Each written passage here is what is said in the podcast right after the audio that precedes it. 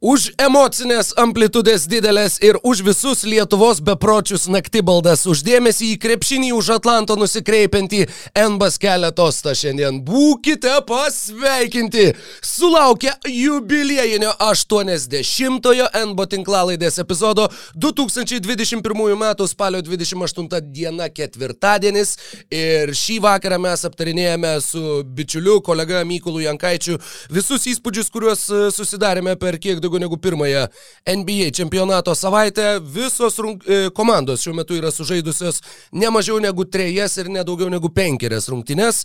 Tad tie pirmi įspūdžiai jau tikrai šiokie tokie yra ir tuos įspūdžius pasistengsim šiandieną pakankamai greitai, lakoniškai, aukšta žaidimo sparta, kaip kokie Portlando Trail Blazers, pirmaujantis lygui pagal šį rodiklį šiuo metu, aptarti tuos dalykus, e, pasidalinti pastebėjimais, pasidalinti uh, komplimentais, kritika, pane panegirika ir, ir e, visų kitų, kuo kas tik tai mums šauna į galvą po visų šitų pirmųjų keletos dienų. Tad dar sėkiai sveiki visi ir dar sėkiai sveikas gyvas Mykolai. Sveikas, sveikas Rokai, sveiki klausytojai, kurie iš ties e, mūsų klausosi ir žiūri naktimis krepšinį.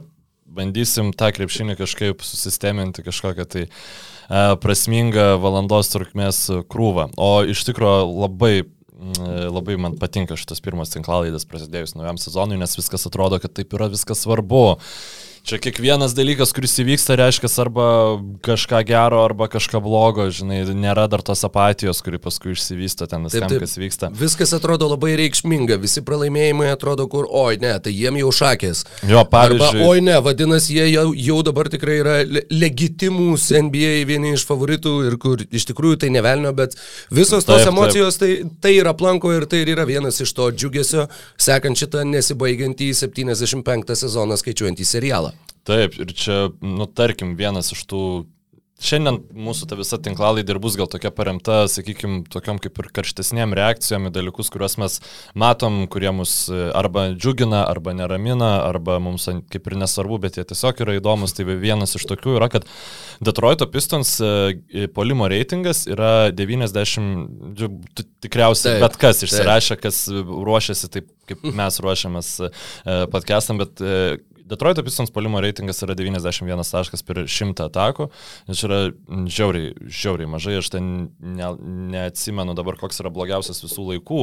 Gal kolega per tą laiką, kol aš užbaigsiu sakinį ir galės patikrinti. Bet Antras blogiausias polimo reitingas yra 100 taškų, 100,2 taško per 100 atakų ir jisai priklauso naujo Rano Pelikans. Tai yra 9 taškų per 100 atakų skirtumas. Kad suprastumėt, koks reikšmingas toks yra skirtumas, jeigu e, naujo Orleano Pelikans atakuotų 9 taškais per 100 atakų e, geriau negu atakuoja dabar, jie būtų iš 29 vietos pakiltų į 6 vietą, atsiprašau, į 7 e, vietą, e, žodžiu, NBA lygoje pagal polimą. Tai Detroito Pistons yra per, nu, ne, ta prasme, aiškiai blogiausiai puolanti komanda lygoje. Na ir turbūt fanam belieka džiaugtis, kad yra vienas krepšininkas, kurio tikrai gali laukti, kaip Mesijaus iš, išgelbėjančio e, šį šiaip, na, labai, labai nekokį reginį, kurį dabar demonstruoja Detroit Pistons, nes, na, Kilianas Heinzas turbūt kartai ir visiems taikams jau bus kaip... Išmestas mano, iš fantasy mano, komandų po Vilnių. Mano bičiulis išsireiškė apie vieną futbolininką muštą kortą. Jau tikriausiai Kilianas Heinzas NBA lygoje labai gali būti, kad re, greitai pamatysim jį bandantį reabilituotis kažkur kitur. Jo, Villerpano Asvel galės su Elio Kobo kartu sudaryti prancūzų gynėjų duetą. Taip, spėčiau, kad e, pakankamai greitai gali kiekvieno heiso. Elio Kobo iš tikrųjų prancūzas yra. Jo, jisai prancūzas ir, uh. ir mačiau, kad dabar jie ten laimėjo prieš CSK. Elio Kobo, antraštę. Ta prasme, jis, mano nuomonė, NBA Elio Kobo buvo tikrai geresnis negu Kilianas Heinsas, nu, Heisas, Heisas atsiprašau, uh, likščioliai kažką yra parodęs, jisai aišku labai ten žemas lubas turėjo uh, ir dabar Europai tai manau, kad tikrai yra savo vietą šitas krepšininkas, kiek mačiau ten gal dvi rungtynes Svelio, tai man labai labai patiko. Ir, sakykim, Matei dviejas asvelių rungtynės, o? Jo, jo, aš kažkaip, sakau, arsenalas nebežaidžia jokiam Europos turnyre, tai aš ketvirtadieniais savo Eurolygą pasižiūriu ramiai. Visai, nu, tipo, įdomus tas krepšinis tam, tam tikrais aspektais. Tam tikrais aspektais man visiems kaip NBA fanui kartais yra sunku žiūrėti tą krepšinį, kuris, bet nesvarbu. E... Ne, Eurolyga yra užtektinai e, apkalbama, žodžiu, per daug kitų podcastų ir nežinau, kas tau krito į akis. E, Pirmas dalykas, kuris man krito į akis, blogiausias visų laikų vieno sezono polimo reitingas priklauso 2002-2003 komandai, kur aš nežinau, kodėl man dabar čia šitas 5G internetas nusprendė staiga nebeveikti, tačiau ką tik tai mačiau jų sudėti, e, visų žaidėjų dabar nebeišvardinsiu, net nepasakysiu, kas buvo rezultatyviausias, nes basketball reference lūšta. Tačiau 2002-2003 metų sezone 17 pergalių, 65 pralaimėjimai Denverio Nuggets turėjo blogiausią iki šiol visų laikų, na ir vis dar turi oficialiai vieno sezono polimo reitingą. Tas statistinis rodiklis, kurio aš nesitikėjau, blogiausias visų laikų palimo reitingas, priklauso Bruklino Nets 3627 žaistos rungtynės 103,9 taško. Yra netgi kažkas suskaičiavęs ir suvedęs visų sezonų, visų komandų, žodžiu, kas turi blogiausius, geriausius polimo reitingus. Geriausiai puolanti visų laikų komanda viena dešimtąją taško lenkdama Lakers yra Dallaso Mavericks. Štai tokie statistikos įdomus trupiniai, truputėlį nuo, ne nuo to stalo, prie kurio pautaujame šį vakar. Na, minėjai Detroito Pistons ir minėjai tą tragišką polimo reitingą, aš manau, kad tai yra visai geras būdas pereiti prie komandos, kuri, na, žvelgiant tik tai į turnyro lentelę, atrodo, o, o, super. Pirmą kartą nuo 96-7 metų sezono Čikagos Bulls startuoja 4-0, keturios pergalės, ne vieno pralaimėjimo ir labai solidus žaidimas, e, penkta geriausia gynyba lygoje, jeigu neapgauna atmintis. Taip. Atsiprašau, antra geriausia gynyba visoje lygoje. Tačiau tam yra vienas labai logiškas paaiškinimas. Nenoriu... Nes prieš Detroito Pistons žaistas. Pusė, pusė tavo žaistų rungtynių buvo prieš Detroito Pistons. Tad uh, nenoriu numušti Čikagos Bulls gerbėjų entuzijazmo, tačiau Kol kas tos ketverios rungtynės ir, ir keturios pergalės na, neįtikina, jog Čikagos Bulls tikrai yra pasiruošę būti na, aukščiausio lygio komanda. Be Pistons jie taip pat laimėjo prieš Naujo Orleano Pelicans ir antra, prieš Toronto Raptors. Antra blogiausiai puolančia komanda. Bet Beje, jo. šiaip reikia aišku suprasti, sezono pradžioje visi šitie reitingai nu, labai tiesiogiai yra įtakojami viena vienos komandos kitai. Lygiai taip pat Pistons gali sakyti, ei, mes žaidėm dvi rungtynės prieš Čikagos Bulls dėl to. Prieš antrą geriausią taip, taip, taip, taip, taip. Ir iš ties tas atsarginis sąstatas Čikagos Bulls su Javonte Greenu, su Tori Brownu trečiuoju uh, yra tikrai, Troy Brownu trečiuoju tikrai gerai besiginti ir Aleksu Karuso be abejonės vedliu to atsarginio sąstato, tai yra tikrai gerai besiginančių žmonių Hebra. Ir e, kaip e, Hollingerio tweetas man labai patiko, jie tiesiog išeina ir and, and they're, they're guarding everybody. Nu, tipo, toksai žodžiu. Ir e, Bulls, Bulls nu, niekas nesitikėjo, aišku, kad tai bus top 15 gynyba lygoje, nu, matai Vučevičių, Darozaną, Darozaną startą jo, bet kol kas tai yra labai gerai besiginanti komanda. Mm, Don... Nu, Aleksas Karuso pirmauja lygoje pagal uh, defleksijas, pagal mm -hmm. išmuštus, numuštus kamuolius, nors žaidžia tik tai po labai nedaug minučių per rungtynes. Kodėl Basketball Reference puslapis nusprendė nulūžti vad būtent dabar? Vienas iš tų gyvenimo Uh, jo, ir ma mažų stebuklų. Man tai nutinka tas, labai nelaiku. Tas vat, su Aleksu Karusu iš karto klausimas peršasi, ar jisai žais rungtynių pabaigas sezono pabaigoje.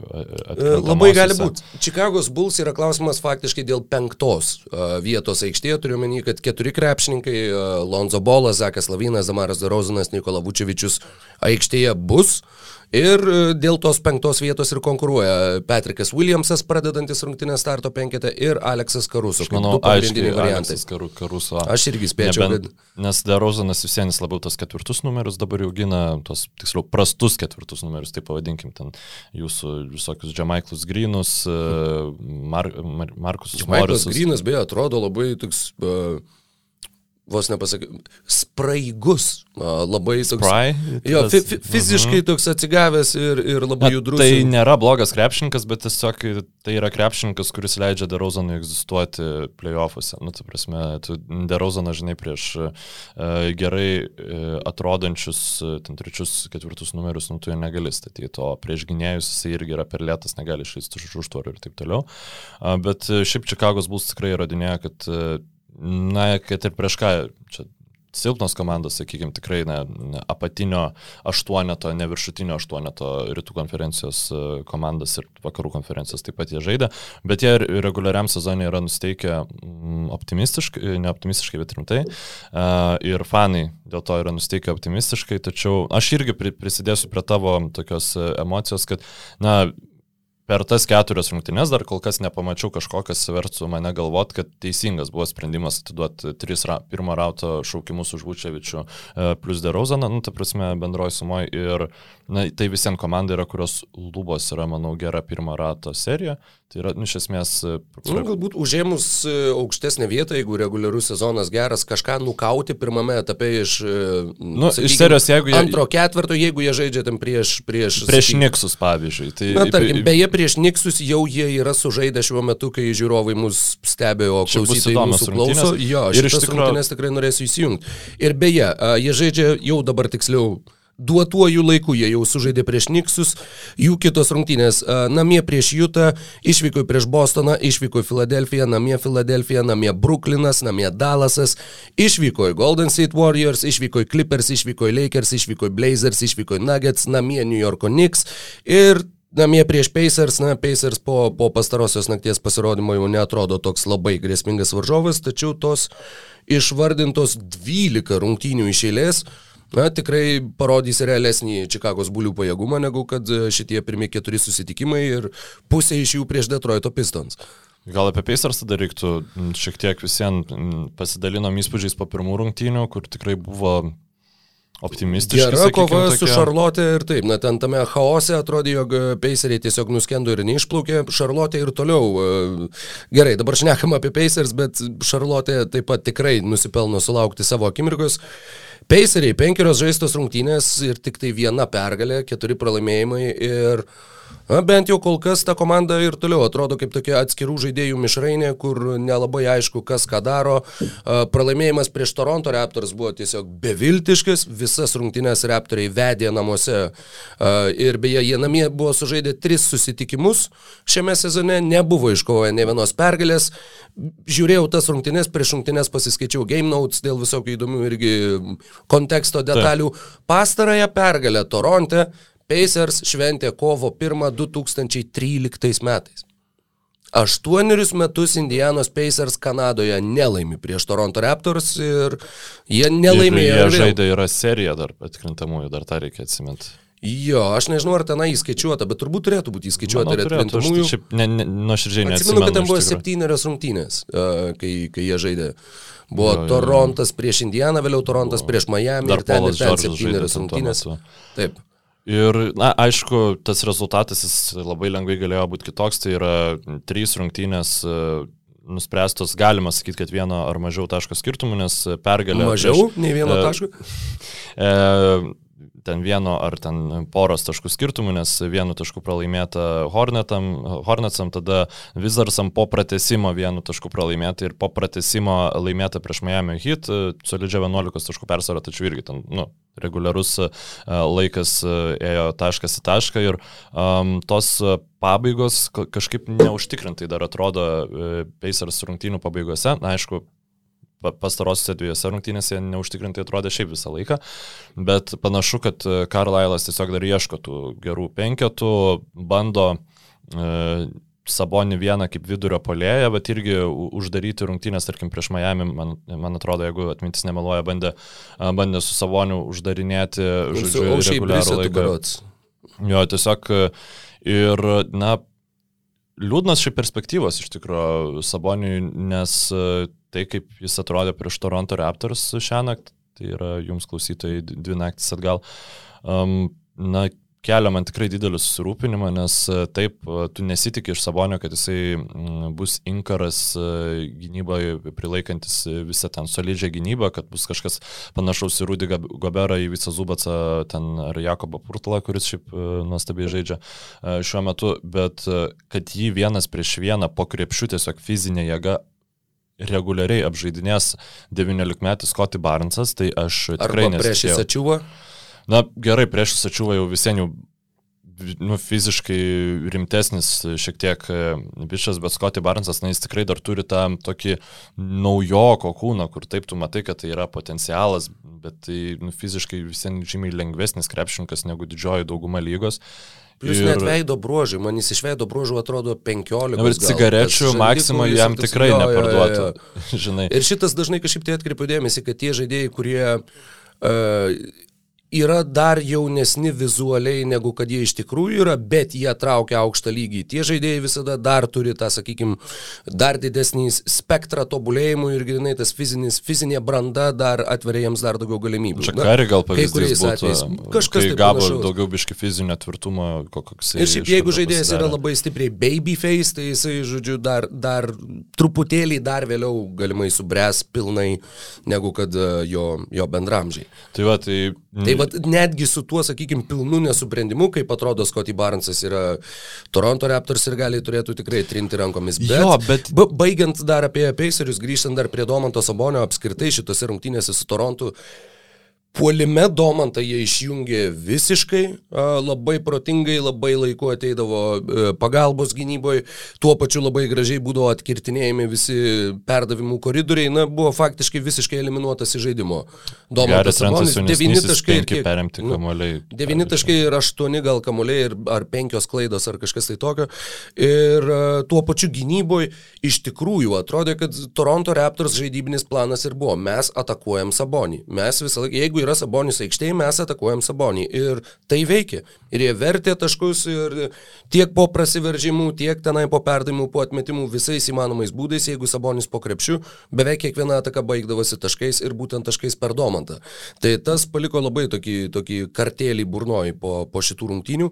Jo, ir liūdniausia, nu, žinai, jeigu ten būtų, pavyzdžiui, koks žaidimas 2 prieš 2, žinai, tu turi ten kažkam padėti, kažką susiginti, nespėjai surotuoti, jeigu tai būtų mm, nežinau, kažkokie labai įmantrus planai, kaip e, į, įvesti tą kamuolį po krepšių ir tiesiog būdamas ne, pats, ne paties aukščiausio lygio vidurio polėjas na, gynybai, e, be abejonės nesugebėtum susiginti, tai vienas dalykas, bet kitas e, tam tikrais momentais buvo tiesiog vienas prieš vieną eina ir Scotty Barnesas ne, jokio klaidinamo judesio nieko netlieka, tokia nu, nu, sakytum, brutalia fizinė jėga, bet tu jos net brutalia nepavadintum, nes numatos tiesiog, kad tai kažkaip aš tokių prastų sabonio rungtinių gynybai neatsimenu, turbūt mm. jų buvo, bet taip, kad nu, taip aiškiai nelabai nekrepšinio ekspertui matytųsi, nes aš tikrai nu, e, nesugebu tai jau labai profesionaliai akim krepšinio žiūrėti, dalykai, kurie akivaizdžiai matosi, e, matosi akivaizdžiai ir um, nu, toks nerima keliantis dalykas, įdomu, kaip ir Kas Karlailas į, į jį pažiūrėjo. Kiek, kiek esu matęs tikrai, tai buvo turbūt, na, Gal net nuo Oklahomos silpniausios rungtynės Sabonio, tai turiu menį, kad silpniausios rungtynės Paceriuose, ar vienos silpniausių, nes tikrai e, prošvaišių buvo labai labai mažai, kaip mažai ir prošvaišių Pacers žaidime kol kas. Jie po penkerių žaistų rungtynių turi aštuntą polimo reitingą lygoje, tačiau jų gynyba yra penkta blogiausia visoje NBA asociacijoje ir e, kaip jie tenai gali pa pakelti, sakykime, būtent šituo atžvilgiu savo žaidimo kokybę, labai sunku pasakyti. Jeigu ir grįž Kersas Levertas, jeigu ir grįž TJ Boranas, tai irgi nėra žaidėjai, kurie tavo gynybai labai stipriai padėtų. Taip. Beje, Aizėja Jacksonas patyrė kelio traumą šitose rungtynėse su Torontu, Malcolmas Brogdonas patyrė traumą rungtynėse su Torontu, neaišku kiek rimta, tačiau a, taip pat tie dideli žaidybiniai krūviai galiausiai atsiliepė krepšininkui. Iki tų rungtynių jis žaidė po 40 minučių. Tai žaidėjui su tokia traumų istorija duot varyt po 40 minučių visieną yra toks... Mm, Įdomus Karlailas sprendimas, ypač jo. iš žmogaus, kuris, na, Meveriksas jis labai puikiai rotuodavo. Bet, matai, jis turėjo, aišku, tu ten pilna gynėjų, ten barėjų, barkų, Bransonų ir taip toliau, kuriais, ten, kuriais pasitikė. Čia akivaizdu, kad jisai jų neturi, žinai. TJ McConnellas žaidžia po 22 minutės, tad uh, tikrai nėra, sakykime, toks. Bet tai nereiškia, kad TJ McConnellas patinka Karlailui. Nors tai, kita va, vertus, būtent, prie jo jisai aš, buvo aš, pa, pa, paekstendintas. Pa, pa, tai aš, dėl to, aš tą ir turiu omeny, kad jisai žaidžia tik po 22 minutės, nes uh, praėjusiam sezonui, ypač sezono antroji pusė, jisai gaudavo daugiau žaidybinio laiko. Uh, Sabonis net ir po šitų rungtynių, kur susitikimo pabaigoje jau faktiškai intrigos nebebuvo, jo vidurkis viršyje 39 minutės per rungtynes. Tad... Du pratesimai, nepamirškim šitą. Na taip, Tu visiškai teisus. Dėl to ir Brogdono minučių skaičius tai buvo daug didesnis. Jo, sezono pradžia ir, ir uh, bet, koks, bet kokia deviacija gali stipriai iškreipti vidurkį. Jo, ir turbūt tiek apie Pacerius būtų, bet kažkaip nežinau. Liūdna, man žiauriai lievai dabar šiuo metu, kad yra daug krepšininkai, lietuviai, tikrai klausimas, kada mes panašaus lygio, kai Sabonis su Valančiūnu arba deklainins arba baigs karjerą, kada mes panašaus lygio krepšininkus su panašia rolė lietuvius matysime NBA lygoje. Ir žaidžia už dvi komandas, na, kurių nu, aš žinok, visiškai nenoriu žiūrėti. Man iš tikrųjų Pacerių rungtynės jau pernai buvo sunku žiūrėti, bet šiemet kažkaip galvau, Karlailas įpūstas nauj, naujos ugnies ir aš tikrai nenurašau jokių būdų jo, nes po penkių, po keturių rungtynių nurašinėti komandą čia nu, nesąmonė būtų, tas pats, kas liaupsint komandą būtų nesąmonė, bet labai tiesiog nu, nesinori žiūrėti jų rungtynių. Ja. Tas su Hornets rungtynės tokios daug žadančios buvo ir dabar kažkaip, kažkaip nebėra. Kuo toliau, kuo toliau, tuo liūdniau ir tuo blankiau ir, na, jeigu kažkas gali išlipti iš tos dubės, tai jo, Rikas Karlailas yra tinkamas treneris, bet, bet šiaip tai, šiaip tai auč. Ir ta sezono pradžia dar juo labiau, kai rytų konferencija tikrai konkurencingesnė šiais metais negu per pastaruosius nu, turbūt gerus penketą, gal netgi šešetą, septynetą sezonų. Tai Indianos Pacers e, šiuo metu, e, tai yra ketvirtadienį spalio 28, jie rytų konferencijoje dalinasi 13-14 vietomis su Orlando Magic. Ir netikiu, kad jie čia bus ir sezono pabaigoje, bet e, toks startas, jeigu jis dar prasitęs kiek, na, kokį gerą mėnesį, tuomet tikrai komanda gali imtis pokyčių, nes, nes e, jie neplanavo šitam sezone žaisti dėl, dėl aukštesnio šaukimo naujokų biržos loterijoje.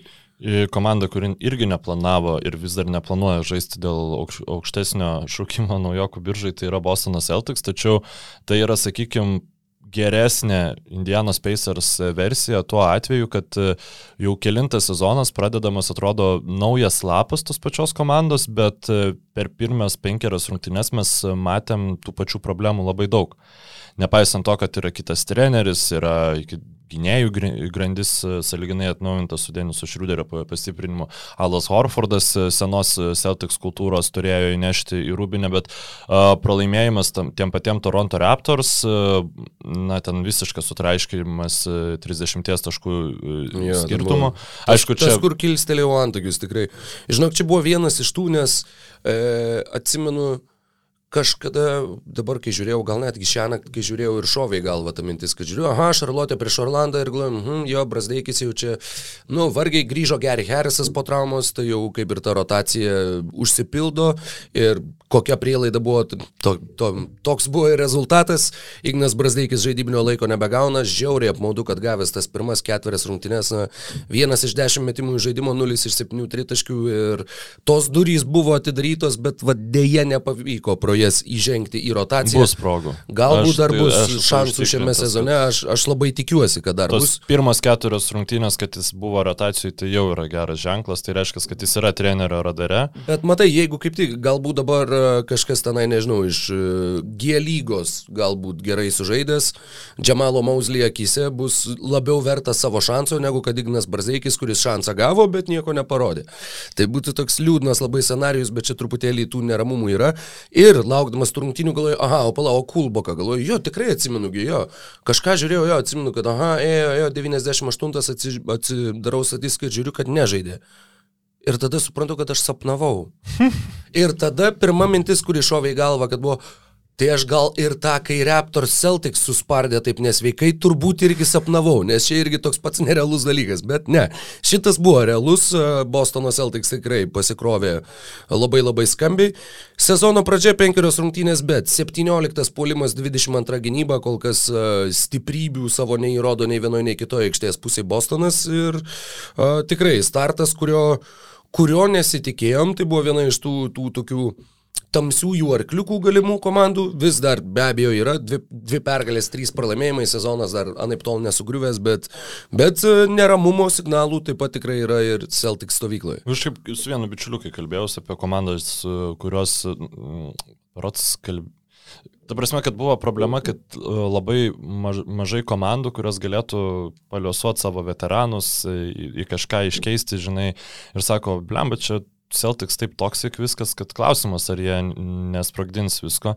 Aš taip net svarstęs apie tai nebuvau, bet kai pasižiūrė į tos tokius nulykintus pranešimus, kad ten gal Braunai nelabai patiko, kad Teitumas debutinėse, ne debutinėse, bet atidaromosiose sezono rungtynėse biški metimų daugiau pas, pasirinko. Nesakau, kad taip Braunas tikrai sakė, bet kažkaip tas visada į, tą rusenantį laužą įtampas vis įmeta. Bet tai medija, kažkaip. tai yra medija, jo, plus tai yra Bostonas. Bet Bostonė tai... atrodo, kad labai limpa visą tai. Ir, ir... Jo, nes, nes Bostonas, nes labai didelė žiniasklaidos koncentracija, labai didelė konkurencija, tu turi rašyti kažką, ką žmonės skaitytų labiau negu kad skaito tavo konkurentų, sakykime, svetainėse, mm. tai, tai iš to ir atsiranda to žybalo, nes tai yra tau būdas prisitraukti klikų, prisitraukti peržiūrų ir, ir patraukti skaitytojų arba žiūrovų dėmesį. Tad aš pernelyg daug, sakykime, em, net ne emocinio, kaip čia pasakyti, nežinau, kiek daug pagrindo turi tie pranešimai ir atsižvelgdamas jo, būtent aš... į tai, kad yra Bostonas, jeigu tai būtų koks nors Memphis, tuomet būtų jau galbūt, žinai, arba Minnesota, tuomet mhm. jau, žinai, ten yra 2-3 reporteriai, kurie rašo apie tą komandą. Apie Celtics yra dešimtys, jeigu ne šimtai. Tai sakau, dėl to manau, kad e, tų ir... pratesimų, pratesimų, pranešimų labai, labai įvairių ir atsiranda. Jo, ir visiems įsivaizduot, kad Celtics išmainytų vieną iš Teitumo arba Brauno man yra neįmanoma, ne. bet kad jie, pavyzdžiui, aplinkinę sudėti visiškai ištaršytų, ne, neįsibėgėjus sėkmingai sezonui, aš manau visai, kad tai realu, nes, nublema, pasižiūrėkime, jau keli sezonai iš, iš eilės nepavyksta e, su tuo, e, su pal, palaikančia grupė žaidėjų kaž, kažko nuveikti Bostono Celtics. Niekas Bostone nebejoja Teitumo ir Brauno talentų, bet uh, turbūt, uh, kad, kad ir kaip liaupsinamas, pavyzdžiui, iš, iš mano pusės Markusas Martas būtų, aš tai manau, kad va čia yra krepšininkas, už, kuris galėtų pradėti Bostono rebuildą, už kurį būtų galima gauti tikrai kažką sėkmingo, gal kažkokį uh, naujokų biržos šaukimą Bet ir bandyti paskui, ir bandyt paskui tarp sezonį tuos e, gautus viso, e, vertybės, tas visas apjungti. Vertybės. Nu, aš nežinau, kaip esatas lietuviškai, tiesiog... Bet nu... vertybė tai tikrai ne, bet uh, net nežinau, gautus, gautus mainų žetonus.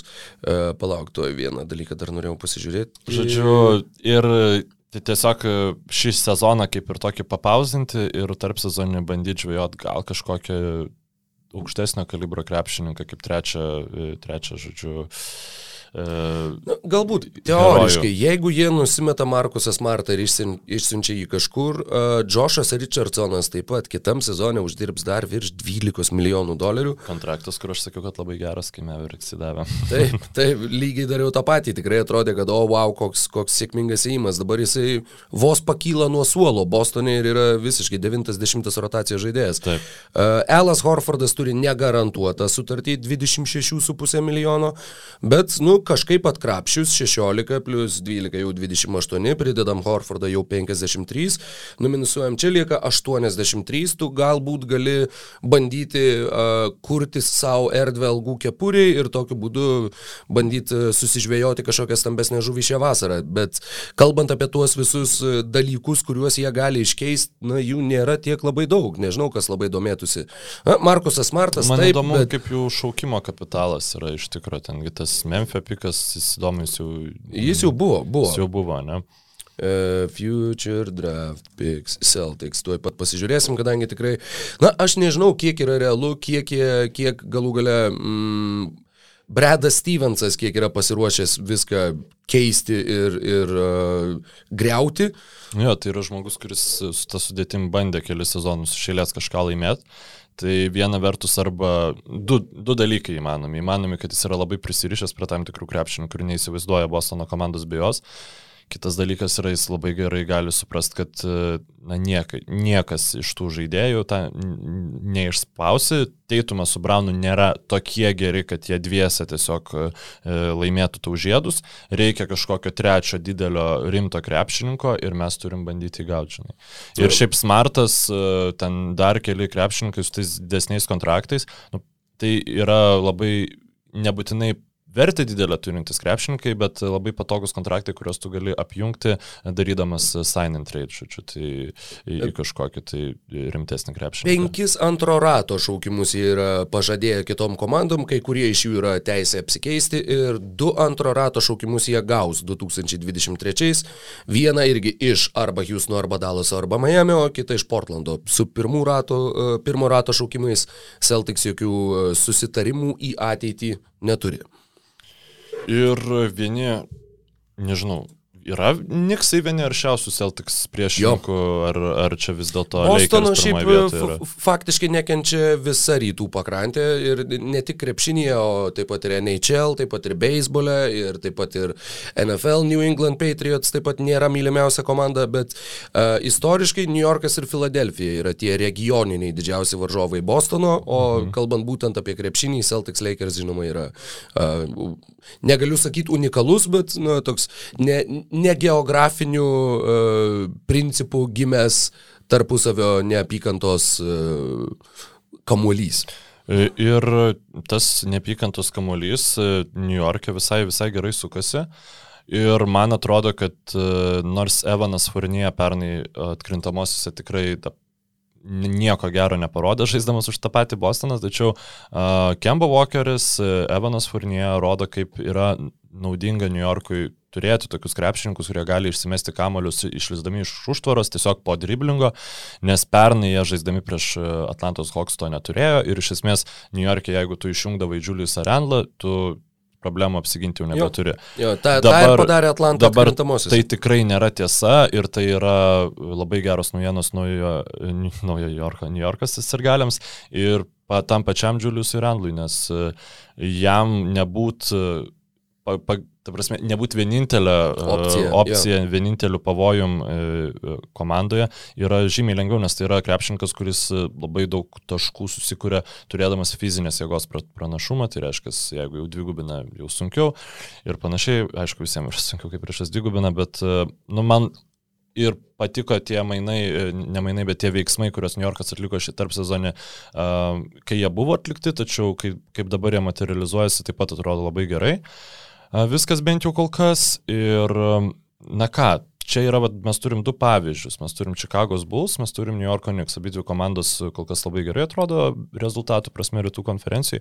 Viena... Viena iš jų jau atrodo prašiau po šios nakties, kuri mums dar bus, bet žiūrovam jau buvo. Taip, bet... taip. Ir New Yorkas realiai visiškai savo ateities nepaukojo, kad būtų ten, kur yra dabar.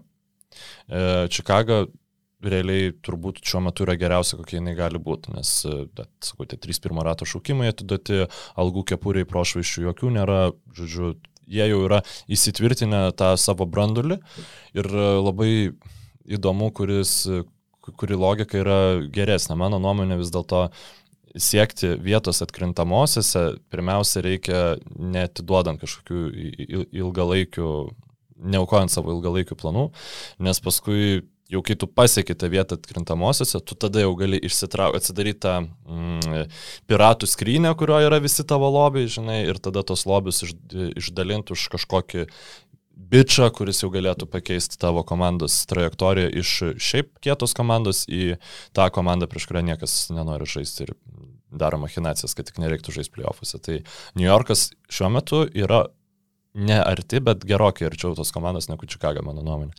14 geriausias puolimas, antra geriausia gynyba Čikagos Bulls. Ir 17 geriausia gynyba bei ketvirtas geriausias puolimas New Yorko Knicks. Uh, tikrai sakykime, puolimo klausimus New Yorkas e, apsprendė e, būtent Walkerio ir Fornie įsigijimu, bet e, vienas yra, sakykime, viena problema, kurią, kurią labai išryškino netgi Orlando Magic atsakomosiuose tarpusavio rungtynėse, kadangi Orlandė jie prieš Niksus atrodė beviltiškai, bet tada New York'e jie sugebėjo atsirevanšuoti, šves pergalę šešių taškų skirtumų ir kai tavo uh, įžaidėjai yra Kemba Walkeris, Derikas Rauzas ir Immanuelis Quickly, Tai ir Kaulas Anthony to gali sumesti 29 taškus, susirinkti 16 kamolių ir atlikti 8 rezultatyvius perdavimus. Tie uh, klubai, kurie turės labai labai galingus būtent įžaidėjus taškų rinkimo atžvilgių, tie prieš Niksus, aš manau, kad tas pats Džiamo tai Randas gali, gali karjeros... Vėl, uh, jo, Trejangas beje irgi. Uh, ir tuo pačiu sakau, vat, gal netgi labiau na, net nelabiau tie, tačiau ir tokio pobūdžio krepšininkai, kurie prasiveržimais renka taškus, tie irgi turės e, daug, daug galimybių pasireikšti prieš New Yorką. Beje, Kaulas Antony paliko labai gerą įspūdį tose rungtynėse. Bičias e, gimęs New York'e, e, augęs New York'e, vienas iš New Yorko vidurinių mokyklų legendų, jo tėvas žaidė už Niksus, Gregas Antony e, keletą metų ir štai grįžęs namo jisai sugebėjo sutaršyti ir sužaisti geriausias karjeros rungtynės ir e, tokiu būdu užsitarnauti kvietimo į mano fantasy komandą. Na, kad jau taip e, skiriam laiko Orlando Magic, e, iš tikrųjų netokia neįdomi šita komanda, kaip aš galvojau, mm. kad bus pernai iš e, Orlando Magic buvo žiauriai faina krepšinį žaidžianti komanda, tai aišku buvo kitas treneris, kitas brandus, nu, labai daug. Iki mainų ar? Iki traumų, iki Fulco traumos, iki dar kažkieno traumos, žodžiu, nu, tai tą pirmą Aizako. mėnesį. Ar Aizakas jau buvo traumuotas, Aizakas per burbulus traumavo, man atrodo. Tai turi du top 10 šaukimus savo sąstatį šių naujokų biržos, šių metų naujokų biržos. Jailenas Saksas kol kas e, atrodo labai prastai, nes, nes neskubam jo tikrai nurašyti, vertinsim e, pavasarį, gal net kitais metais, bet e, Fransas Wagneris jau dabar įrodo, kad, žinai, yra epitetas, kurį vartoja žmonės, kurie nelabai žino, ką pasakyti apie tą krepšininką, bet nori kažką gero pasakyti, tai yra glue guy. Mm. Jis, nu, jisai, jisai čia gerai viską padaro, žinai, jis padaro, kad aplink jį geriau kiti žaistų, jis čia viską vas apjungia tą žaidimą. 42 tai... procentai tritaškių, beveik 14 taškų per rungtynes ir jo, vokietis tikrai mane irgi nustebino. Na, nu, dabar kad... jis tikrai rolę uh, turės e, NBA. Kaip kartais nebūna su top 10 šaukimais, čia jau yra gerai. Ir manau, kad jo, jis nenustepsiu, jeigu jis bus pagal tai, ką matom dabar, kad jis bus geresnis žaidėjas negu aukščiau pašauktas Žėlionas Saksas. Tai, mm, Aš sakso irgi taip neskubėčiau. Ne, rašyti, tiesiog žinoma, aš labiau skubu liaupsint mhm. E, Wagnerį, nes tikrai mhm. e, tai, tai yra pozicija, kurios trūksta NBA lygoje. Žodžiu, jisai, jisai nežaidžia tikrai su geriausiais partneriais jo žaidimo stiliui, Carteris, Mobamba, bet... E, Beje, jie du atrodo irgi visai neblogai, palieka malonų įspūdį. Taip, ypač Mobamba, kurį visi su kuo aš kalbėdavau, buvo jau visiškai nurašę, kad čia maždaug tik dainos žmogus, bet uh, Orlandas irgi atrodo, kad jį nurašė, kai su Vendeliu Carteriu jaunesniuoju pratęsė kontraktą, o su Mobamba ne, bet... Uh, Bamba number 5. bet prašom, Mobamba bando tapti naujų Milesų Turnerių, iš e, tritaško atakuoja 40 procentų taiklumu. Įdomu, ar tai laikysis. E, Vendelis Carteris jaunesnysis bando tapti naujojų Sabonių polime, žodžiu, nu, tokia galima, galima rasti analogų, bet tai tikrai yra Prototipų. komanda, yeah. komanda, kurios iš tikrųjų nesinori taip greitai išjungti, kaip taip. Galvo, ir aš, norėsis. aš nustebau, kadangi turbūt tos komandos, kurių daugiausiai mačiau šitam sezone kol kas, viena iš priežasčių, kodėl yra rytų konferencija, jos pradeda žaisti anksčiau anksčiau, todėl Orlandas dažniausiai tu pradedi. Tris dienas, man atrodo, žaidė pirmi ir niekas Taip. nežaidė daugiau. Tai... Taip, jo, ir tas būna, kad kiti pradeda pusę trijų, o pirmas rungtynės nuo dviejų būna su Orlandu. Ir tada kažkaip pradedi žiūrėti, įsijungi su mintim, kad, ai, įsijungsiu, kol kiti pradės žaisti, bet tada, kai jau kiti pradeda žaisti, tau jau truputėlį netgi gaila išjungti, nes tu visai kažkaip įsijauti į tą žodį. Žodin apie Orlando Magic taip kalbėjo Daniel Leroux, pat paskutiniam podcastą, kurio klausiau. Tai... Geras, aš, aš neklausiau. ja, ja. Vieną buvau pasileidęs ir užmigau, tai galbūt, žinai, kaip Dexteris mokėsi prancūzų prancūziškai, taip, taip man irgi užstrigo šitą frazę, bet uh, Orlandas ir Charlotte's Hornets yra tos dvi komandos, kurių mačiau turbūt daugiausiai ir kurios uh, pranoksta lūkesčius. Orlandas, žinoma, pranoksta savaip su viena pergalė keturiais pralaimėjimais, tačiau geresnių žaidimų negu kad buvo galima tikėtis. Įdomesnių gal. Taip, jo, įdomesnių, įdomesnių. Ir, ir geresnių, nes aš tikėjausi, kad jie bus beviltiški. Kad jie bus Detroito Pistons. Jo, kad jie bus Oklahoma Standard Detroito Pistons, bet jie atrodo truputėlį geriau. Uh, kalbant apie Charlotte's Hornets. Uh, tas, e, sakykime, žaidėjas, e, kuris labiausiai žavi šitam sezone, e, kas keišiausia, nėra Lamelo bolas. Malsas Bridgesas verčia per pirmas penkerias rungtynes po 26 taškus, atkovoja po 8 kamelius, 40 procentų tritaškių, fantastiškai atletiškas, gerokai pakėlė savo pataikymą, baudų taiklumas 91 procentas, jis buvo pataikęs 18 iš 19, kol prametė dar vieną, čia turbūt dabar yra 20 iš 22, taip spėčiau, pagal procento skaičių. E, žaidėjas, kuris pataiko iš toli, meta drąsiai, meta per rankas, meta užtikrintai, plus žaidėjas, kuris labai labai išlavino savo gebėjimą užbaigti atakas abiem rankom. Jis natūraliai yra kairė rankis, jis meta iš toli kairę ranką, jis ir dešinę ranką gali drąsiai mesti metimus iš pokrepšio po prasiveržimų. Labai universalus ir tas žaidėjas, iš kurio aš pernai laukiau ne tokio ryškaus šuolio, tačiau laukiau to kokybinio šuolio ir truputėlį nusivyliau, kur galvoju, na, nu, nu, vat, maniau, kad jis bus geresnis. Bet jisai šiais metais padarė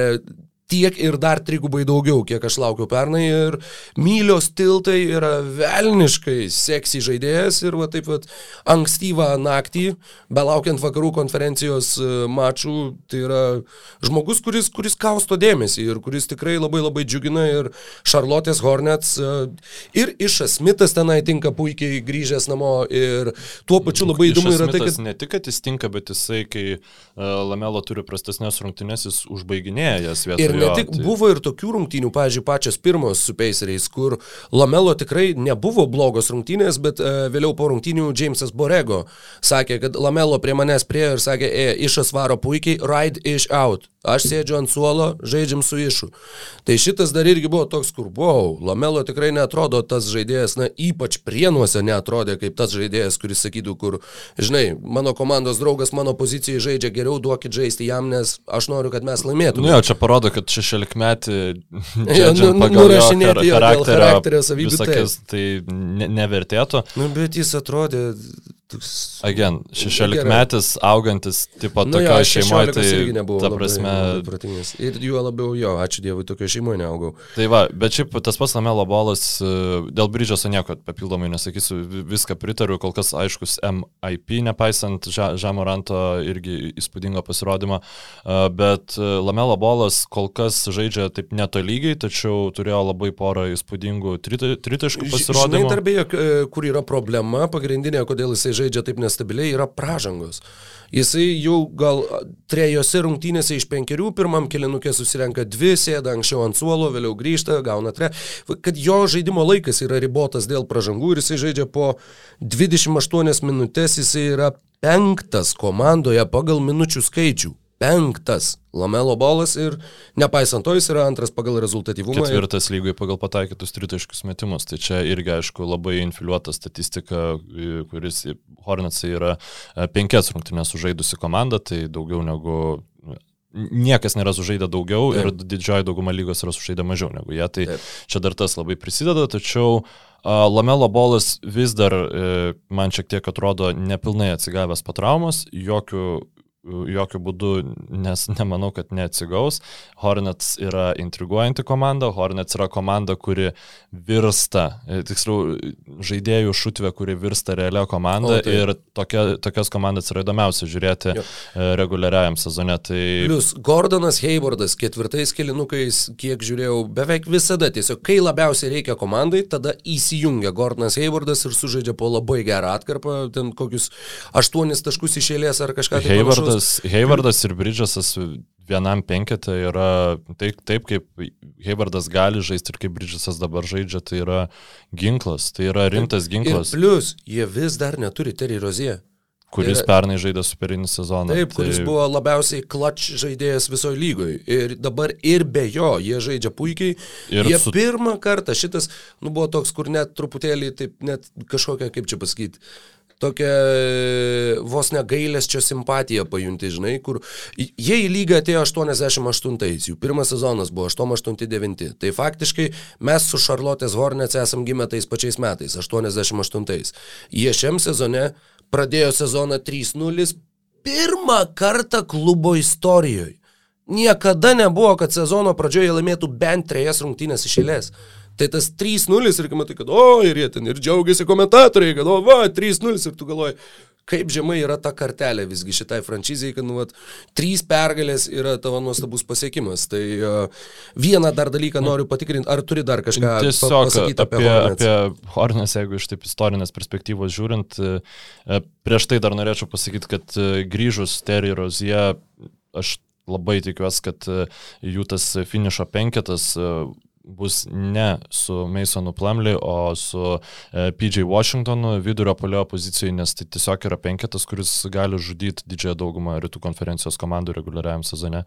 Tai yra visiškai reguliariam sezonui pasiruošus jau dabar komanda, O playoffuose matysim. Dar kol kas per sunku spręsti, per anksti spręsti, nes labai tas potencialas skiriasi, žodžiu. O dėl istorinės perspektyvos, jo. tai ką norėjau pasakyti, kad šita komanda, kuri kurios didžiausias dalykas yra 90-aisiais išleisti kieti marškinėliai, tai tikrai šitai franšizai yra. Keturis kartus klubo istorijoje tai yra praėję pirmą atkrintamųjų etapą, Keturis, keturios laimėtos serijos realiai klubo istorijoje ir 94-5 jie iškovojo 50 pergalių, 7-8 51, 96-7 54 tai yra klubo rekordas.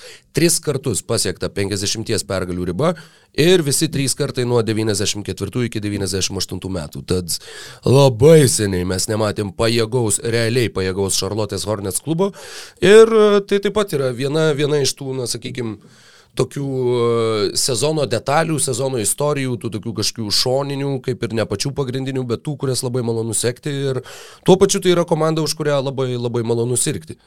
Ir galbūt tada pereinam iš, iš rytų konferencijos, kraustamės į vakarus su šita Hornets gaida. Viena iš komandų, kurios aš, kaip čia pasakyti, nenoriu pavėluoti į, į tą gerbėjų e, traukinį važiuojantį. Uh, Tai yra, gerai, gerbėjų traukinio ta komanda neturi, bet tai, kaip žaidžia šitą komandą, e, vėl visiškai e, keista matyti juos šitą mano sąraše, bet Sacramento Kings yra žiauriai įdomu žiūrėti. E, Harrisonas Barnesas žaidžia vėl atrodo savo geriausias karjeros sezoną. Buddy Hildas tiesiog galbūt tos penkios geros, iš penkių gerų rungtynių, kurias jis turi per sezoną, dvi buvo jau šitam sezone, bet um, Ne šitie krepšininkai yra žaidėjai, kurie mane intriguoja labiausiai, ne, e, ne tai Rysas Halibartonas, kur dar kaip priminsiu, kad Phoenix Sans e, pasi, pasirinko centrą, kuris ne, nežaidžia net už juos jo vietojo. Ir net nedaronas Foksas, kuris turbūt yra mano mėgstamiausias žaidėjas e, mėgstamiausias žaidėjas, kuriam neturiu argumentų, dėl ko jis man yra mėgstamas, man tiesiog labai patinka. Nu, labai greitai. Bet šitas Devionas Mitčelas yra, tai yra žmogus teroristas, jisai tikrai, tas Deviono Mitčelo ir kito Mitčelo iš šitos džiaz, net vardas užkrito dabar, Donovano, Donovano Mitčelo, taip, matchupas buvo, nu, ten tie highlightai Twitter'e, aš rungtynės tada atsisukau, atkarpom pasižiūrėjau, tikrai taip E, Mič, e, Devionas Mičelas yra senas e, naujokas, yra 23 arba 24 metų. 23, tiksliai 20... galiu pasakyti, beje, kalbant apie naujokus, uh, Indianos Pacers rungtynės su Toronto Raptors ir kažkaip bežiūrint, šoviai galva pažiūrėti, aha, Kriso Duartės amžius ir Stanislavo Mikhailiuko amžius. Kaip manai, ar labai skiriasi? Tai ne, kaip ir Audžianonobi, tik tai metais vyresnis už Duartį yra. Tai Tai uh, Duarte yra vyresnis už Svetoslavą Mikhailiuką okay, okay. trimis dienomis. Trys dienos skiria šiuos du krepšininkus, bet nenorėjau pertraukti. Taip, tai jo, vienas Mičelas 23 e, metai. Vienas iš tų atvejų, kuris parodo, kad nebūtinai yra blogai draftinti vėl, vėlesniais e, šaukimais tuos jau pa, pa, pasiruošusius krepšininkus, kai jie iš ties yra pasiruošę, nes Devionas Mičelas jis ginas taip, na, jis aš, aš netikiu, kad ta gynyba kažkaip galėtų regresuoti, nu, gal nebent dėl žaidybinės gaudimosi patirties ir taip toliau, bet man atrodo, kad jis jau dabar galėtų žaisti finalų serijoje. Ta prasme, aš net nenoriu perdėti, ne, ne galbūt kaip pagrindinis e, gynybos specialistas, bet tokia, žinai, Drew Holiday vos ne rolę apsimti. E, Labai įdomu, ką Kingsai su juo darys, kaip, kaip inkorporuos Halibartoną jį ir Deroną Foxą. Bando leisti ir visus tris į aikštę. Ir manau, kad net ir tai bent jau kol kas tai tikrai galima drąsiai daryti reguliariam sezone, nes e, tiesiog labai nepamenu, kuris buvo paskutinis gynėjas, kurį būtų smagu stebėti grinai dėl jo veiksmų gynyboje naujai atėjęs į lygą. A, nu, jie atėjusi, jo, galbūt. Nu, vat, Scotty Barnesas nėra gynėjas, bet irgi mhm. toksai, sakykime, Šiaip gera birža, labai gera birža. Apie tą patį beje irgi e, galvojau ir, ir šią naktį stebėdamas rungtynės ir kažkuria praeitą naktį, kad, kad po galais apie labai daug biržų sako, kad nu šita tai jau tikrai geriausia nuo 2-3. Šita bent jau kol kas atrodo, kad yra labai daug, labai aukšto lygio naujokų. Ge, geriausias dar kol kas net nesužaidė ne vienos taip, minutės. Ir taip. mes taip turim apie ką kalbėti. Evanas apie... Mobley kaip atrodo. Aš turiu jo, aš šiaip... Scotty Barnesas kaip atrodo. Turiu atsiprašyti Evano Mobley, nes sakiau, kad jis bus ready po dviejų sezonų.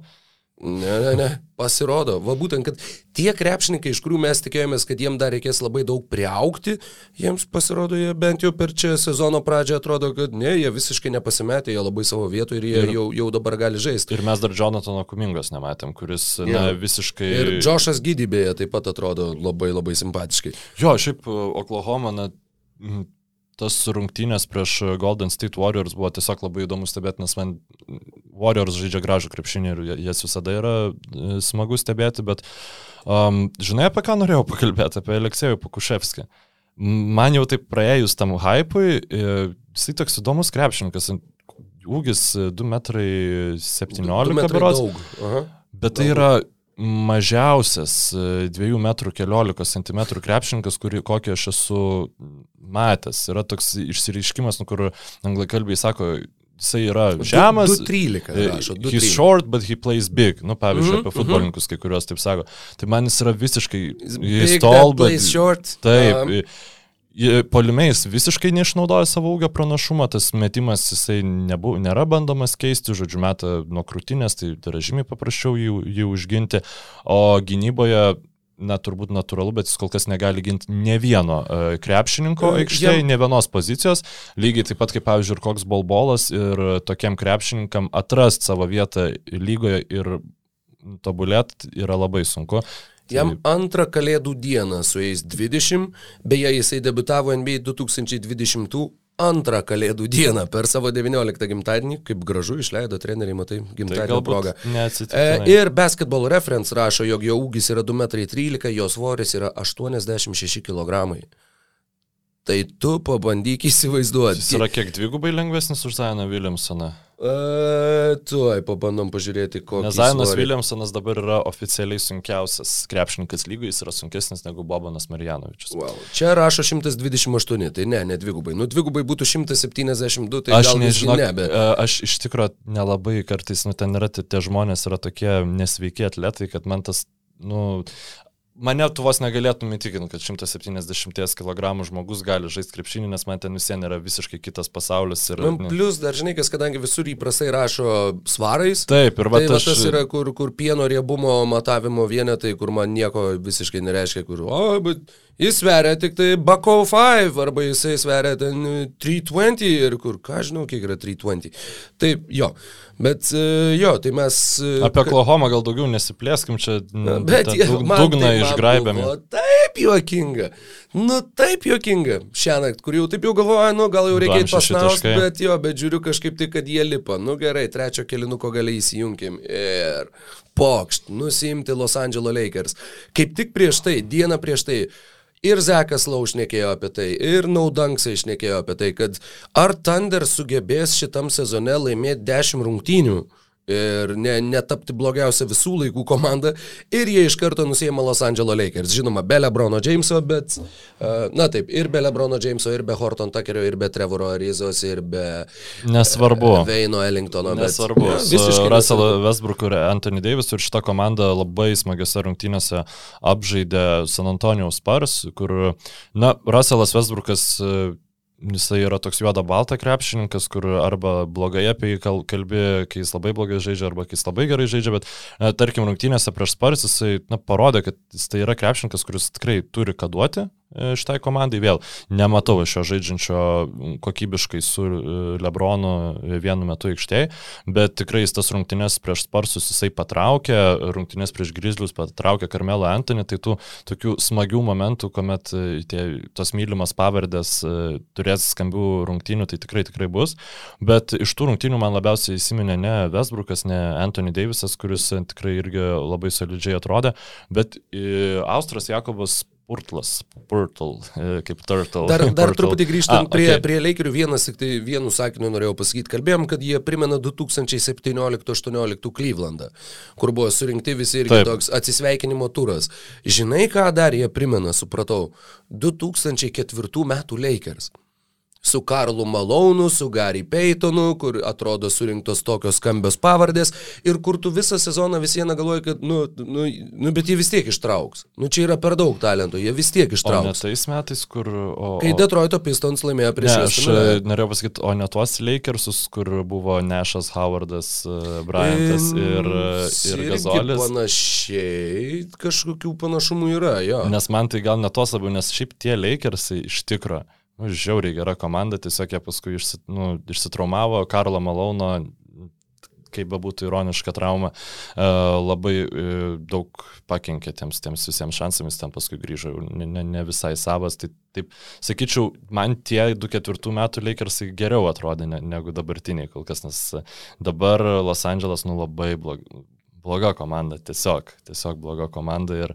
Ir vis tiek. Nu, ir mes atrodo, kiekvieną savaitę kalbėsime ja, apie juos. Sunku, kalbomis. sunku patikėti, nu, taip, iš tikrųjų. Bent jau nekalbėjom apie Bruklino Nets, kol kas tai gal ir palikim juos uh, užmarštyje, ar dar yra kažkas vakarų konferencijoje, ką tau norėtųsi atkreipti. Jo, tai jau sakau, Jakobas Purtlas... Uh, mm, vienas turbūt geriausiai besiginančių centrų, iš, sakykime, jeigu atmetus tas akivaizdž, akivaizdžias pavardas, jis kartu su Ivica Zubatsu, vat, būtent reguliariam sezone yra tikrai na, labai daug komandų, pavyzdžiui, susitvarkytų į metų šitą krepšininką, jų sudėti, pavyzdžiui, Raptors iš karto taptų, taptų elitinė gynyba.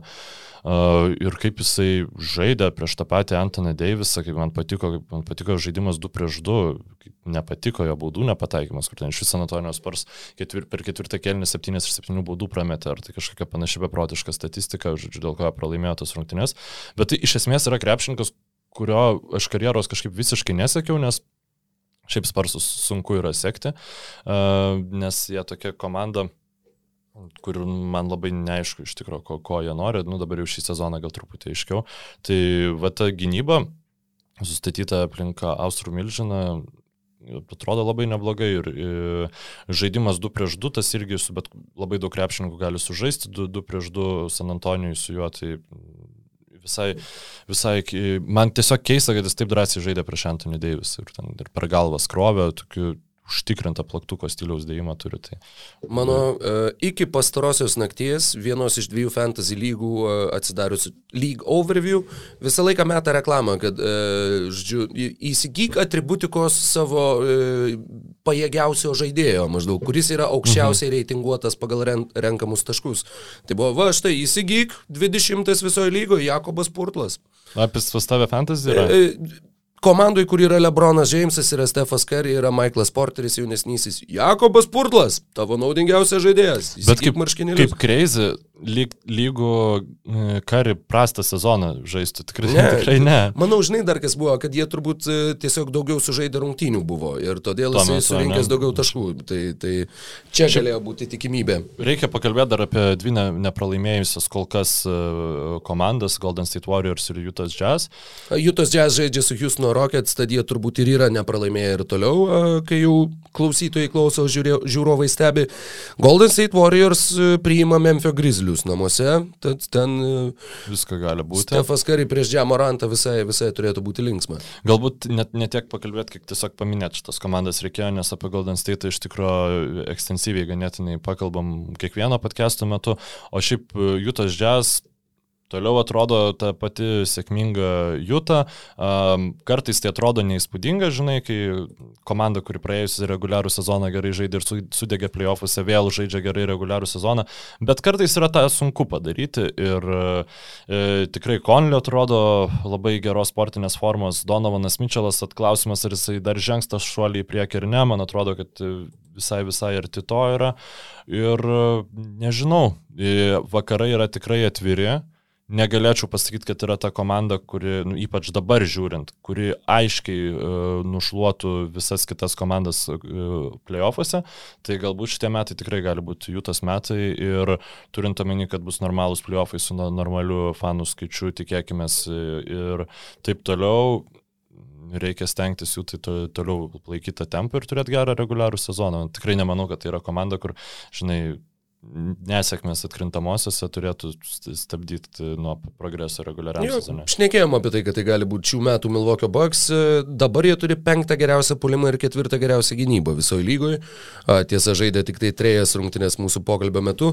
Žaidėjas, pakalbėjom apie žaidėjus, kurie stebina, apie Džamorantą dar galbūt čia buvau net išsirašęs kažkokių dalykų. Nu jo, highlightus prieš Lakers tiesiog reiktų pasižiūrėti, jeigu kas nematė, ten įspūdingas mm. krepšininkas. Ir tiesiog. ta trečia pramesta bauda buvo super apmaudi, kadangi galėjo išlyginti rezultatą ir, mhm. ir ten buvo jau pratesimo galimybė, bet uh, iki pastarųjų rungtynių Džamorantas metė po beveik 21 tašką per rungtynės baudos aikštelėje. Tai buvo daugiausiai taškų.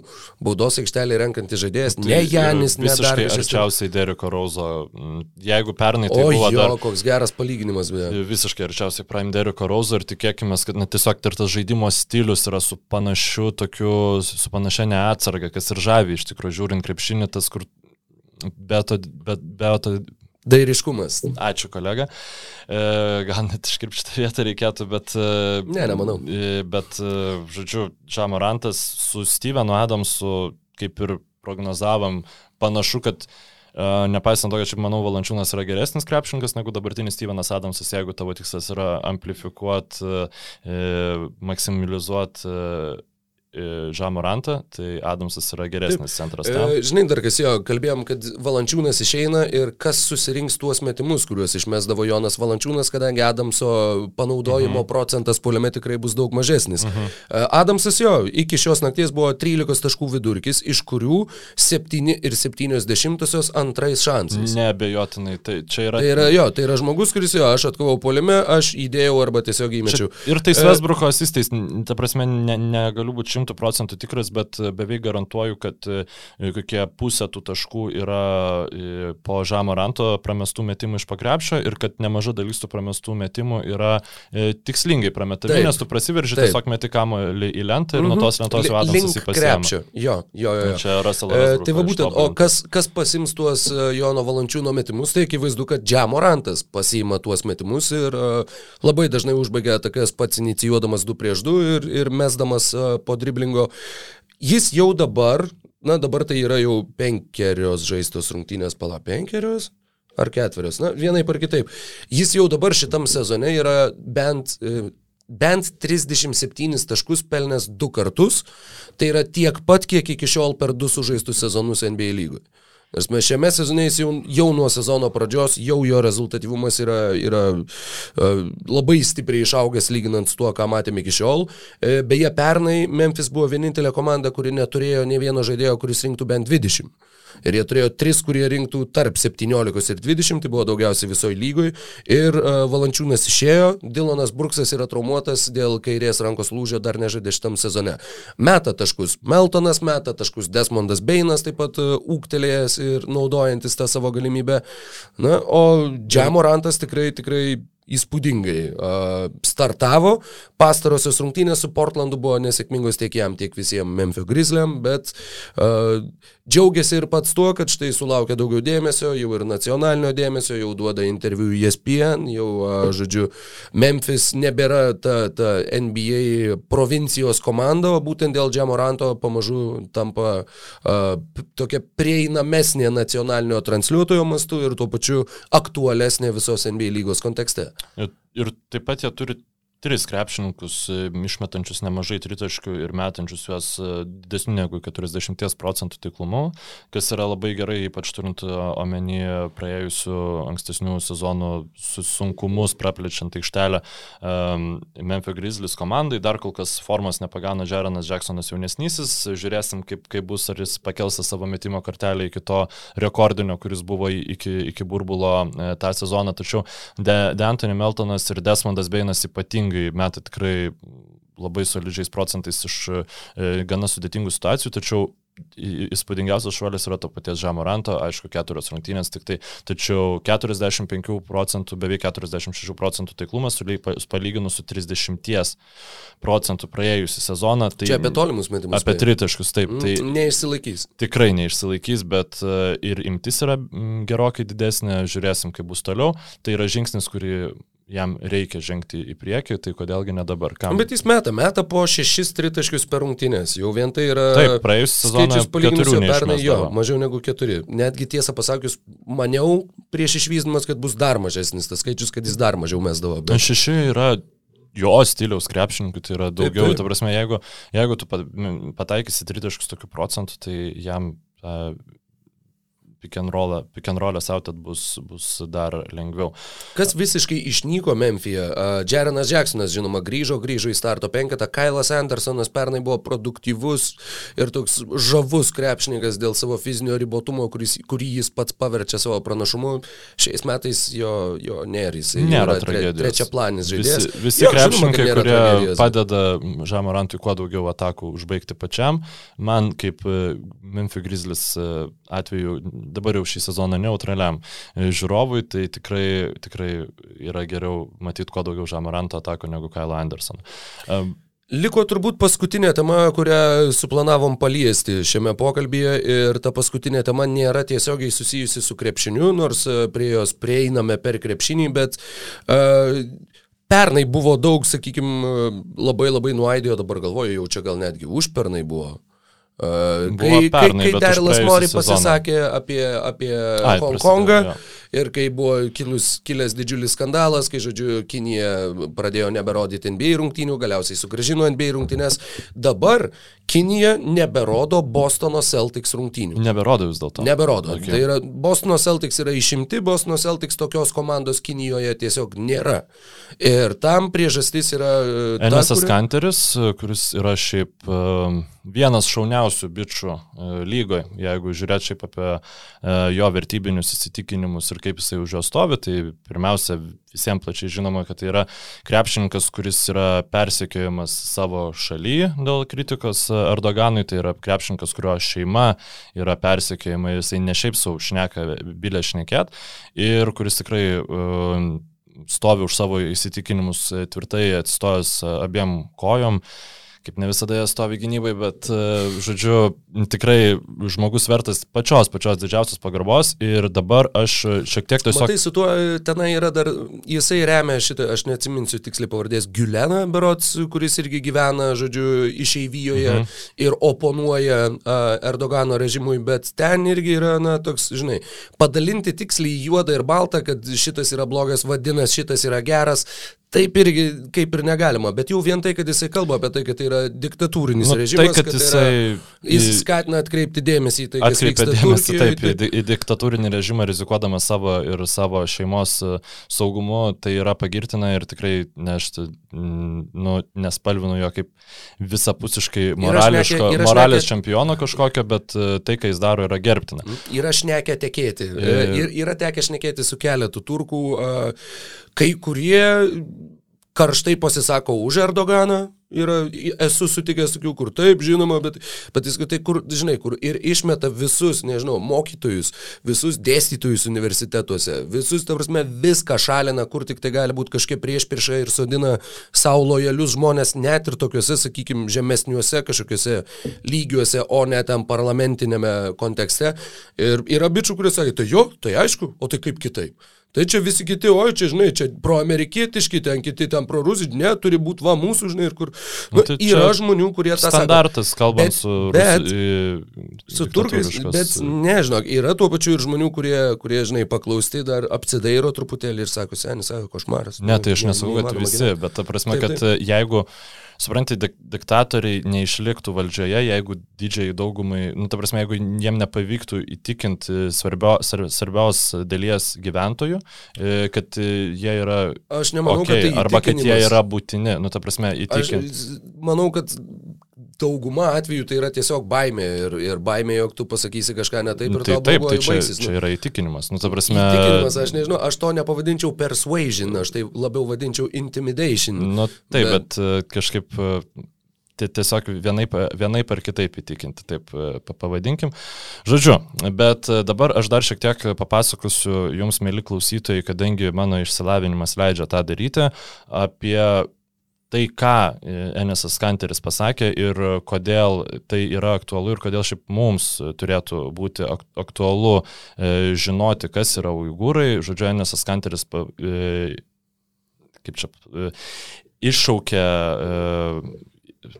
sureaguoti Nike, kurio, kurio produkcija yra gaminama uigūrų vergų darbų, taip e, galima sakyti, ir taip, nu, iš tikrųjų, e, faktiškai ir yra, nes e, nesavanoriškai ko stovyklose, tose koncentracijos esantis uigūrai, nu, žodžiu, ten daro visokius darbus ir pasirodo, kaip supratau, ir Naiko produkcija. Tačiau priešingai negu mm, Hongkongo, priešingai negu Tibeto atveju, tai nesusilaukia kažkokio labai didelio atgarsio šitą repliką ir šiaip šita visa problema kuri yra šiaip na beprotiškai didelio dydžio, e, jinai vakarų visuomenė, vakarų kultūrai nėra labai kažkaip e, analizuojama arba, kaip čia pasakyti, ją nėra baisimasi, taip kaip turėtų būti. E, tai žodžiu, šiaip galite išjungti podcastą, už to vietą čia apie krepšinį nešnekėsim, jeigu nėra įdomu, kaip čia pasakyti, politizuojami dalykai ir panašiai. Tačiau dabar, kas yra uigūrai, tai uigūrai yra e, nomadiškos e, kilmės tauti, etninė grupė, kuri gyvena Kinijos regione Sinzengė, kurio šiaip korektiškas pavadinimas turbūt būtų Rytų Turkestanas, nes taip tuo metu, kai kūrės labai daug valstybių, tai yra tarp pirmo ir antro pasaulinio karo, kai Lietuva įtvirtino tam tikras savo sienas, tai e, buvo Sinzengo tas regionas, jisai uh, vadinosi Rytų Turkestanu ir jie bandė kurti uh, Uigūrų valstybę, to jam, jeigu labai trumpai tariant, uh, per du bandymus padaryti nepavyko ir jie galiausiai buvo okupuoti Kinijos, tai, žodžiu, čia yra pirmas dalykas, kad tai yra ne, ne šiaip savo kažkokia etninė grupė, o tai yra savo teritorinį į kažkokį tai identitetą, aišku, nomadai tai yra klajojantis žmonės, kurie um, išvista visą mūsų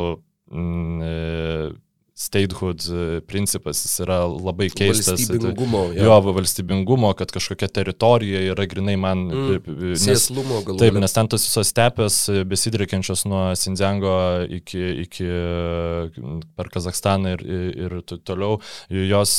Nu, tu, tai čia ir yra maždaug Kazakstano pasienis kažkur, ne? Toks šiaurės vakarų. Tai Kinija. ten yra, čia yra žiauriai didelė Kinijos dalis, jie turi sieną su Kazakstanu, jie beros turi sieną su Uzbekistanu, su Mongolija ir dar su Kirgi, ir tikrai šimtų procentų su Kirgistanu. Tai taip, yra kin, Kinijos vakarai, e, virš Tibeto, žodžiu, Gobė dykuma ir taip toliau.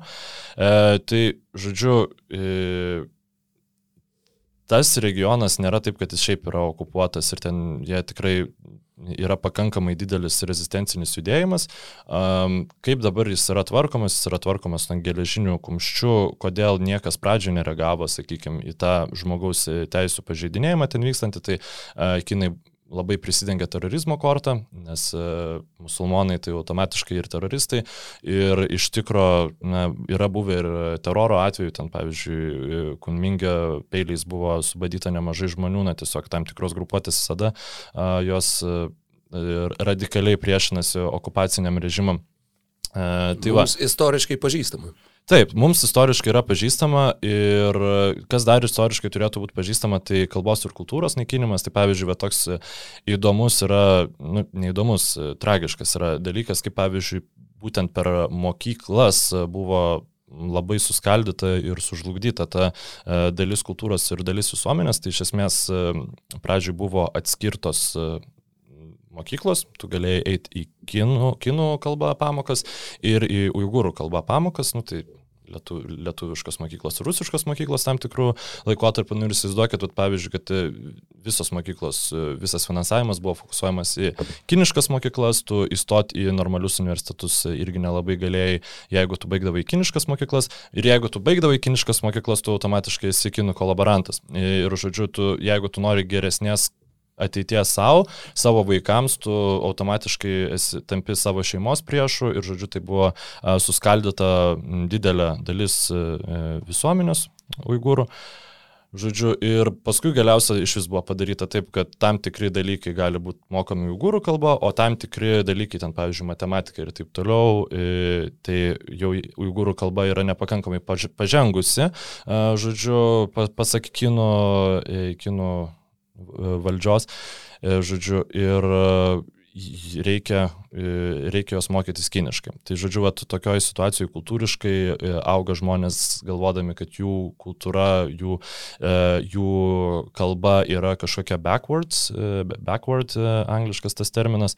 Žodžiu, tai dėl to vat, yra labai liūdna, o kiti dalykai tai yra, kad visi žmonės, kurie kažką sako prieš ar panašiai, yra prievarta vežami ir uždaromi, persekiojami į į e, tas vergų stovyklas, perauklėjimo stovyklas, kur jiem, jiem ten reikia, jie yra musulmonai, jie tam turi valgyti keulieną, žodžiu, per prievartą ir kiti dalykai iš tikrųjų, apie, nu, ten galbūt kažkiek jau ir legendos yra, bet tikrai siaubingi dalykai ten vyksta. Ir kas dar yra baisu, tai kad, pavyzdžiui, bendradarbiauja ir Kazakstanas su, su Kinija, e, atsiūsdamas atgal pabėgusius žmonės ir e, panašiai, žodžiu. Tai tikrai yra labai didelė diaspora uigūrų gyvenančių užsienio kovojančių prieš tai, dar didesnė dalis, žinoma, yra e, žmonių, kurie kovoja už savo išlikimą, savo kultūros išlikimą Kinijoje pačioj ir tiesiog, nu, kad tai būtų kažkiek su e, NBA susijęs, tai aš kaip pavyzdį noriu pateikti, e, ant kiek yra mm,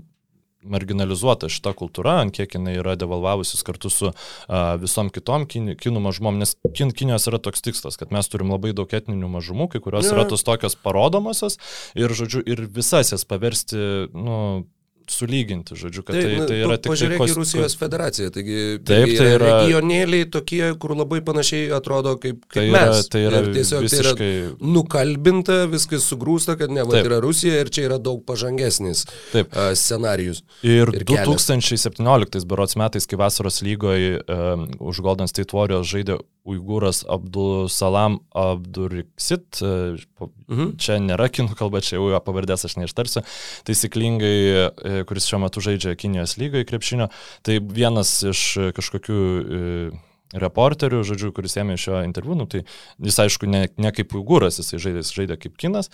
Ir Ir jo tas reporteris klausė, o tai tu čia mongolas turbūt esi ir jis taip ten nedrasiai, ne, ne, ne, nesu. Nu, tai tu visiškai skirtinga tauta, e, visiškai skirtinga etninė grupė, žodžiu, nes šiaip uigūrai yra tos turkų etninės grupės. E, dėl to Enesas Kanteris už juos ir stovi, nes e, kiek irgi su turkais teko kalbėtis, jie tikrai labai jaučia kažkokią atsakomybę skleisti žinę apie tai, nes, sakau, visiškai nepalyginsi su informacijos srautų, kuris eina iš Tibeto ir Hongkongo e, e, regionų, nors žmonių kenčiančių yra tikrai, tikrai nemažiau. Ir tiesiog norėjau pasidalinti šitą informaciją, jeigu buvo nenaudinga, nepykit, bet man atrodo, kad e, žinoti apie tokius dalykus reikia, jo lab, kad mes patys labai pan, prieš panašius demonus Lietuva yra lietuviai nugalėjusi, ačiū seneliam, proseneliam ir visiems kitiems. Tai, tai tikėkime, kad tokių žmonių kaip Enesas Kanteris atsiras daugiau ir kad mažiau myžnių bus NBA lygoje bijančių kažką pasakyti prieš nu, tą teroristinį iš tikrųjų režimą, kuris yra Kinijos liaudės Respublika. Fuck yeah. numest mikrofoną ir a, tokia truputėlį kitokia gaida negu įprasta baigiam šitą jubiliejinį 80 epizodą, bet man atrodo, kad a, skleisti žinutę yra, yra a, sveikintina ir tuo pačiu vienas iš tų dalykų, kuriuos, kuriuos galų galę mes savai pri, privalom daryti, kadangi turim šiokią tokią auditoriją, kuri vat, vis pasiklauso ir pasižiūri, apie kągi mes čia šnekam. Tai labai didelis dėkui visai tai auditorijai, tuo pačiu labai didelis dėkui tau, Mykolai, už šitą uh, tokį kultūrinį diskursą, kuris uh, tikrai manau, jog ne vienam pasirodė įdomus ir ne, vienam, ne vieną galbūt paskatins labiau pasidomėti, kasgi, kasgi tenai vyksta ir kaip tenai viskas atrodo. Jo, aš stengiuosi labai labai lakoniškai, tikrai ne, ne, ne, ne, nesistengdamas ten labai gilintis į tam tikrus faktus ir panašiai, tai a, tiesiog su... Ten yra žiūrų, dokumentikos yra tekę žiūrėti ir man, kaip ten viskas atrodo, ten tikrai yra siaubinga. Ir uh, Palinkėsim, kad e, ne, nebūtų viskas uh, tamsu ir bloga jūsų kasdienybėje bei jūsų palaikomų komandų realybėje. Uh, tuo pačiu norim labai padėkoti ir Gyčiui, ir tuo pačiu visai, visai Basket News bendruomeniai ir kiekvienam iš jūsų, kurie šitą pokalbį išklausė arba išžiūrėjo iki pat pabaigos.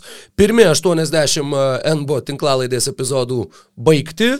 Tikiuosi, kad laukia dar bent jau dešimteriopai tiek ir uh, jog dar... Dar 20 metų mes su tavimi ir gyčiu čia įrašinėsim. Duok dievę. Duok dievę. Sėkmės. Laimingai.